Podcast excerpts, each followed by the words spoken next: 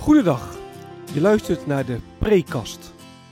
Een podcast over de preek die ik afgelopen zondag gehouden heb in de Maranatenkerk in Bunschoten, Spakenburg. Fijn dat je luistert. Mijn naam is Gertjan van Harten. Wat kun je verwachten van deze podcast? De Preekast bestaat uit vier onderdelen. Ik begin met een korte introductie van de tekst waarover ik gepreekt heb. Vervolgens geef ik een korte samenvatting van de preek zelf. En met korte samenvatting bedoel ik ook echt kort. Tijdens mijn opleiding heb ik geleerd dat preken schrappen is. Niet alles wat je in de voorbereiding gevonden en bedacht hebt, kan terugkomen in de preek. Wat heb ik laten liggen wat het overdenken wellicht waard is? Daar wil ik het over hebben in het derde deel van de preekkast. En tenslotte sluit de preekkast af met een aantal verwerkingsvragen. Vragen die je kunnen helpen om de preek te overdenken en of toe te passen. Ik wens je veel luisterplezier.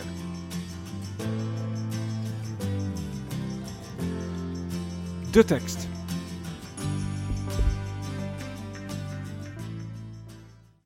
Ik heb afgelopen zondag gepreekt over vraag en antwoord 1 van de zogenaamde gewone catechismus.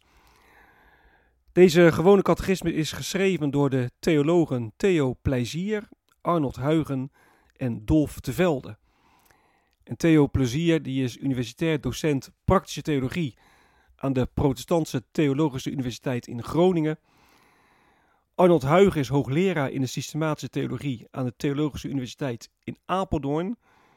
Arnold Huigen die zijn wortels heeft liggen in Bunschoten Spakenburg.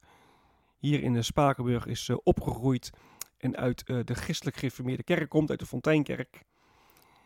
En de laatste die dus meegeschreven is Dolf de Velde. En Dolf is universitair hoofddocent systematische theologie in Kampen. Zij zijn uh, vorig jaar gekomen met de gewone catechismus en de ondertitel daarvan luidt Christelijk geloof in 100 vragen en antwoorden. Ik kan uh, het boekje van harte aanbevelen. Op een uh, frisse wijze wordt het geloof van de kerk van alle eeuwen verwoord. Ik zal een, een voorbeeld noemen van een vraag. Vraag 13 luidt bijvoorbeeld: Wat maakt geloven voor verschil in je leven? En dan luidt het antwoord: Zoals de oergelovige Abraham zich liet leiden door Gods belofte, zo richt mijn hart zich op Christus. Mijn denken, willen en doen wordt bepaald door het nieuwe leven waarin ik door de opstanding van Christus mag delen. En vraag en antwoord 78 luidt bijvoorbeeld: hè, Wie is de Heilige Geest? Hij is God die nog dichterbij komt dan ons eigen hart. Hij geeft energie, zelfs in situaties waarin zonde en dood gewonnen lijken te hebben. De Heilige Geest is Gods helende en vernieuwende aanwezigheid onder ons. Zo voltooit Hij wat door de Vader in de Zoon is begonnen. Nou, op die manier is op kernachtige wijze het, het christelijk geloof uh, onder woorden gebracht. En wat mij opvalt is als je die catechismus zo leest, dat bij een aantal dingen gewoon weer ja, het stof er als het ware afgeveegd wordt. En je de, de rijkdom van uh, wat we als kerk uh, mogen leren weer beter gaat zien. Afgelopen zondag heb ik dus gepreekt over vraag en antwoord 1 van de gewone catechismus. En de vraag die daarin gesteld wordt is: waarin vind jij je geluk? Dat is de openingsvraag van de gewone catechismus. Waarin vind jij je geluk? En het antwoord luidt dan: Mijn geluk is dat Jezus Christus mij gevonden heeft. Hij offerde zichzelf op om mij thuis te brengen in de liefde van God.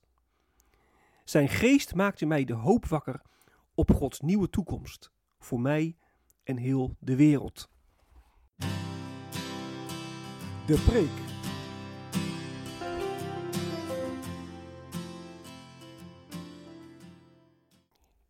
Ik kan mijn geluk niet op. Dat heb ik boven de preek gezet als thema. Ik kan mijn geluk niet op. De vraag die de catechismus stelt is: waarin vind jij je geluk? En ik denk dat dat een hele uh, goede vraag is. Want ieder mens, of je nu jong of oud, man of vrouw, gelovig of niet gelovig bent, ieder mens is bewust of onbewust op zoek naar geluk. Ik denk dat het verlangen naar geluk ook echt in het DNA van de mens zit. Dat je ook echt wel kunt zeggen dat wij mensen ja, geschapen zijn om, om gelukkig te zijn. Aan het begin van de wereldgeschiedenis leefde de mens in het paradijs. En als je dat dan in het begin van Genesis leest, dan lees je dat het daar echt goed, volmaakt goed was. Adam en Eva die uh, hadden geen zorgen in de Hof van Eden. Die waren volmaakt gelukkig. Ze leefden in volmaakte harmonie met elkaar, met zichzelf en bovenal ook met ja, de Heere God. Ieder mens was uh, volmaakt gelukkig toen. En toen kwam de zondeval. De mens kwam in opstand tegen God. En daardoor werd de mens ongelukkig. En als beelddragers van God, want dat zijn we ook na de zondeval nog, als beelddragers van God, verlangen wij terug ja, naar hoe het eens was. Dat verlangen dat ja, zit diep in de mens. En nu kun je het geluk overal en, en nergens zoeken. Ik heb in de preek een aantal uh, voorbeelden genoemd waarin je geluk kunt zoeken. Hè? In je kinderen bijvoorbeeld, of in, in shoppen, of in, in uh, de, je gezondheid, of in jezelf en jezelf verwerkelijken. En dat kunnen allemaal dingen zijn waardoor je je wel tijdelijk uh, gelukkig voelt, maar het brengt niet het, ware geluk. Om even een, voorbeeld te noemen. Ik las uh, laatst op internet dat uh, shoppingmalls en, en winkelcentra, dat het eigenlijk de, de tempels van onze tijd zijn. En die shoppingmalls en die winkelcentra, die, die, die schreeuwen ons als het ware toe van, kom hier, kom en koop. Want als je hier komt, als je allemaal spullen koopt, ja, dan word je gelukkig. Nou, ik moest zelf ook denken aan de term troost shoppen. Je bent ongelukkig en dan ga je shoppen en dan word je getroost en dan ben je weer gelukkig. Maar we weten allemaal wel dat het op lange termijn natuurlijk helemaal niet werkt. Hè? Het spreekwoord zegt niet voor niks, bezit van de zaak is het einde van het vermaak. Ik heb als schriftlezing gekozen voor Psalm 42. En Psalm 42 laat zien dat je je geluk ja, alleen uh, echt maar bij, bij God kunt vinden. De psalm zegt uh, tot twee keer toe: Wat ben je bedroefd, mijn ziel? Wat ben je onrustig in mij? Vestig je hoop op God. Eens zal ik hem weer loven, mijn God die mij ziet en redt. God die, die, die ziet ons. God ziet ook wat er allemaal hier op aarde fout gaat. God ziet alle ellende. En God besloot om zijn zoon naar deze wereld toe te sturen. En Jezus kwam naar deze wereld om ja, met zijn dood en opstanding ons te redden van het ongeluk. En daar, ja, daar mogen wij ons geluk in vinden. Ik vind dat de, nieuwe, of dat de gewone catechisme heel mooi zegt. Mijn geluk is dat Jezus Christus mij gevonden heeft. Want omdat Jezus Christus ons, op, ons opgezocht heeft en ons gevonden heeft en ons gered heeft, ja, heeft hij ons tot, tot kinderen van God gemaakt. Kinderen die, die onlosmakelijk met God zijn verbonden. En kinderen die de belofte hebben dat ze erfgenamen zijn van het eeuwig leven. Om het anders, anders te zeggen, dat ze echt tot in eeuwigheid verbonden met God mogen leven. En straks in de volmaaktheid op de nieuwe aarde. En dat vooruitzicht, die hoop, ja, die zorgt ervoor dat vandaag de dag, in het hier en nu, al alles anders wordt. Want als je weet dat het koninkrijk van God komt, als je weet dat je daar eeuwig uh, uh, volmaakt leven mag, ja, dan ga je, dan ga je echt anders in het leven staan. Dan ga je, dan ga je verlangen naar die nieuwe toekomst. want dan weet je, er is dus geen onrecht meer, geen lijden meer, er is geen zonde meer. God wordt geen verdriet meer gedaan. En dat verlangen, dat gaat ook je gedrag bepalen. je wil dan, dan leven volgens de, ja, de regels die bij het koninkrijk van God horen. Nou, heel concreet, zoals je het leest in, in de wet van God of in, in de bergreden. En als je leeft voor Gods koninkrijk, dan weet je dat het koninkrijk van God als een, een koninkrijk van recht en gerechtigheid. En daar wil je dan voor gaan. Hè. Je wil ook echt recht en gerechtigheid ook toepassen in je leven, daarna streven. Kijk, hier op aarde is het vaak, je moet, moet pakken wat je pakken kan. Je moet voor jezelf opkomen. Het recht van de sterkste geldt. Maar in het koninkrijk van God ja, werkt dat heel anders. Daar wil je de minste zijn. Daar geef je om de ander. Daar wil je delen. Daar wil je leven vanuit liefde. Nou, dat zijn natuurlijk op zich hele mooie woorden, maar we weten allemaal wel dat het in de praktijk vaak toch wel anders gaat. En ja, dat komt ook omdat de zonde veel te diep in ons zit. De duivel die wil ons iedere keer weer verleiden tot zonde. En helaas, hij vindt uh, genoeg aanknopingspunten. En daarom moet je ook wel echt wel bij zeggen dat de Heilige Geest ons echt, echt helpen moet. De Heilige Geest moet ons helpen om echt op dat koninkrijk van God gericht te zijn. En de gewone catechisme zegt dan ook, hè, de geest van God maakt in mij de hoop wakker op Gods nieuwe toekomst. De geest moet in mij werken. En de vraag is, ja, wil ik dat? Kijk, want het kan ook best zijn dat wij heel lauw zijn. Hè? Dat is nog wat anders dan anti. Als je anti bent, dan zeg je echt, ik wil niks met de kerk, niks met geloof te maken hebben. Maar als je lauw bent, zeg je, nou, ik vind het wel prima. Ik geloof best wel. Ik ga misschien ook naar de kerk, misschien bid ik wel eens. Als ik maar, maar niet te veel moet opgeven, als ik mijn leven maar niet al te veel moet, moet aanpassen. Maar ja, dan leef je niet uh, voor Gods koninkrijk, maar dan leef je eigenlijk voor je eigen koninkrijk. En dan heb je het echte, ware geluk ja, nog niet gevonden. En dat is ja, om meer dan één reden tragisch, want, want Jezus, ja, die, die wil je vinden. Die wil je nu al dat, dat eeuwige geluk geven. En daarvoor, daarvoor is hij ook echt op zoek naar je. Nou, dan mag je ook zo echt om bidden als je merkt dat er lauwheid in je leven is. Heilige Geest, open mijn hart, open mijn ogen. Of om het bekende lied uh, te zeggen, het lied dat we ook aan het einde van de kerkdienst gezongen hebben. Geest van hierboven, leer mij geloven. Nou, er kan van alles uh, gebeuren in je leven. Maar als je geraakt bent door het evangelie van de Heer Jezus, dan ga je ook echt verlangen naar, naar groei, naar groei, naar Christus toe. En zo draait het in het geloof, en ook in de kerk, dus altijd weer om, om Jezus Christus. Hij is naar ons op zoek. Hij wil ons geluk geven, gelukkig maken. Nou, gelukkig is de mens die bij Christus geluk vindt. Wat is blijven liggen?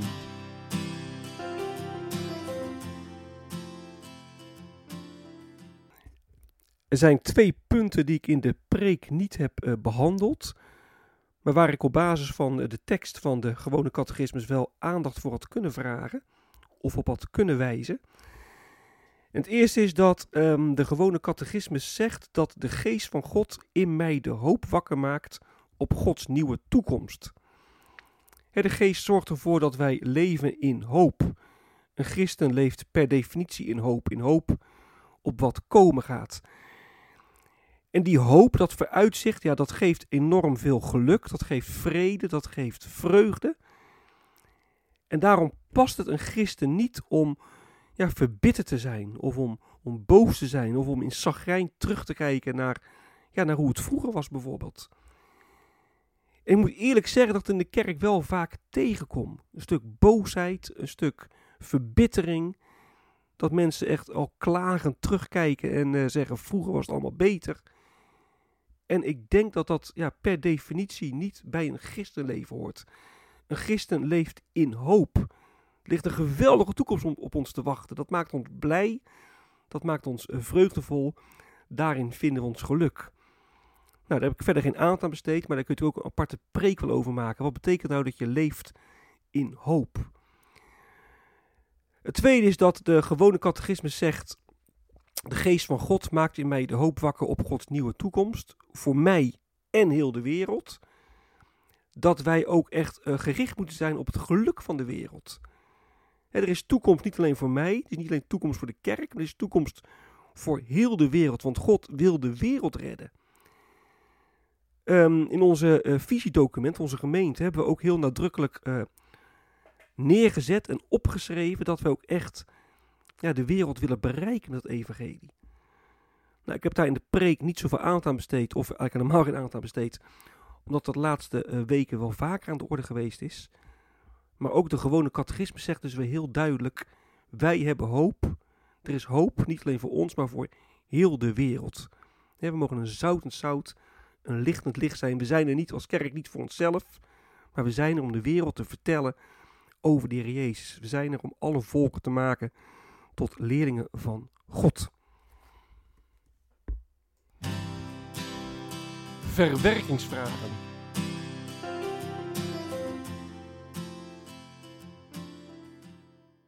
De eerste vraag die ik op het uh, preekblad uh, genoteerd heb is uh, ja, voor de hand liggend. De catechisme zegt, waarin vind jij je geluk? En dat is ook de eerste vraag die ik dus wil stellen. Waarin vind jij je geluk? De catechisme geeft een bepaald antwoord. Maar als je dat antwoord nu even wegdenkt en zelf de vraag moet beantwoorden: waarin vind jij je geluk? Wat zou je dan antwoorden? De catechisme zegt: eh, Mijn geluk is dat Jezus Christus mij gevonden heeft. En de tweede vraag die ik dan op preekpad stel is: In hoeverre ervaar je dat nou dat Jezus Christus ook jou gevonden heeft?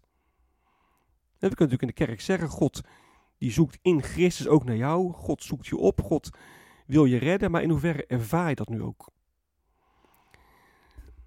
De gewone catechisme zegt dat Jezus zichzelf heeft opgeofferd om mij thuis te brengen in de liefde van God.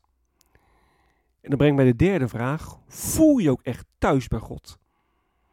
He, besef je ook echt en ervaar je ook echt dat, dat je bestemming, je levensbestemming is leven in Gods nabijheid, leven voor God. Daar ben je thuis, daar ben je op je plek. En daar kun je natuurlijk hele mooie of minder mooie theologische verhalen over houden, maar ja, in hoeverre ervaar je het ook? Voel je je echt thuis bij God? De laatste vraag gaat over het slot van antwoord 1 van de gewone catechismus, waarin staat: De geest maakt in mij de hoop wakker op Gods nieuwe toekomst. Ik heb daar in de preek wel een aantal dingen over gezegd, maar de vraag is in hoeverre bepaalt de hoop op Gods nieuwe toekomst ja, jouw gedrag in het hier en nu? Nou, een viertal vragen waar je over na kunt denken, die je ook met, eventueel met anderen kunt bespreken. En die je hopelijk verder brengen in het uh, nou, verwerken van de stof van de preek. Dit is het einde van de preekkast. Mocht je vragen of opmerkingen hebben, dan kun je me mailen op mailadres van hartengretjan.gmail.com van Ik wens je nog een hele prettige dag. Hartelijk dank voor het luisteren. En wie weet tot een volgende keer.